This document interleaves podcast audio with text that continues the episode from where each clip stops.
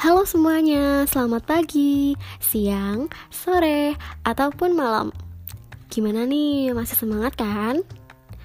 Oke, ada pepatah mengatakan tak kenal maka tak sayang. Maka dari itu kita kenalan dulu yuk.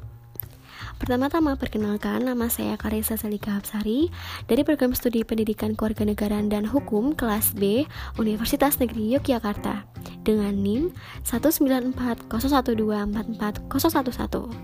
Pada kesempatan kali ini saya akan membahas tentang asas-asas hukum Islam. Nah, teman-teman, udah tahu belum apa itu asas hukum Islam? Oke, aku jelasin ya. Secara etimologis, kata asas berasal dari bahasa Arab yang berarti fundamen atau dasar.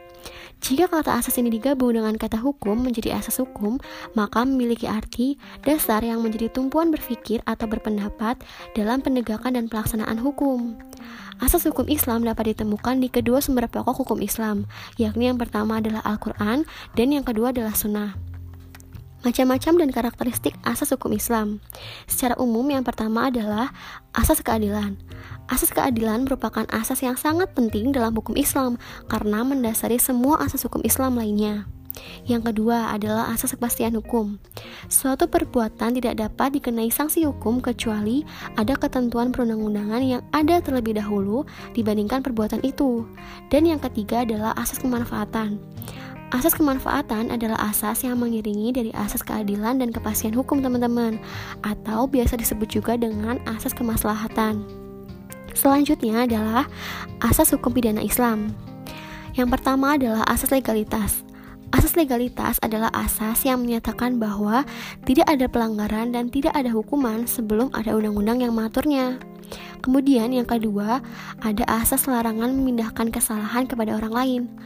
Asas ini mengandung makna bahwa seseorang tidak bisa memindahkan kesalahan yang diperbuatnya kepada orang lain yang tidak melakukan sebuah kesalahan. Dan yang ketiga adalah asas praduga tidak bersalah. Seseorang yang didakwa melakukan suatu tindak pidana harus dianggap tidak bersalah sebelum hakim menyatakan bersalah berdasarkan bukti-bukti yang ada.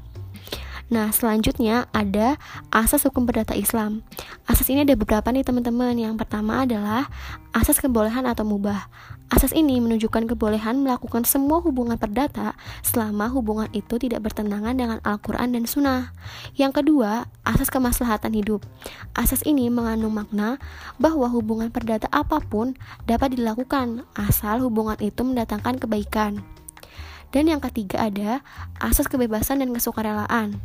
Asas ini mengandung makna bahwa setiap hubungan perdata harus dilakukan secara bebas dan sukarela.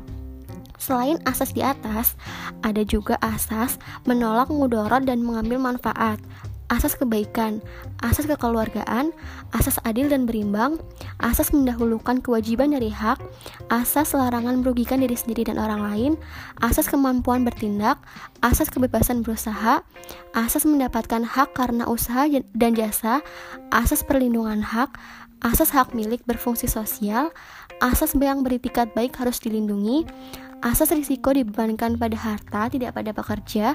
Asas mengatur dan memberi petunjuk. Asas tertulis dan diucapkan di depan saksi. Lalu selanjutnya ada asas hukum perkawinan Islam. Yang pertama adalah asas kesukarelaan. Kesukarelaan kedua belah pihak, calon suami dan istri merupakan faktor tertentu terjalinnya hubungan yang harmonis. Yang kedua adalah asas persetujuan kedua belah pihak. Dalam perkawinan tidak boleh adanya pemaksaan dari satu pihak kepada pihak lain. Yang ketiga adalah asas kebebasan milih pasangan, asas kemitraan suami istri, asas untuk selama-lamanya, asas monogami terbuka. Dan materi terakhir adalah asas hukum kewarisan Islam. Asas ijbari adalah peralihan harta dari seseorang yang meninggal dunia kepada ahli warisnya berlaku dengan sendirinya menurut ketentuan Allah tanpa digantungkan pada kehendak pewaris atau ahli warisnya. Yang kedua adalah asas bilateral.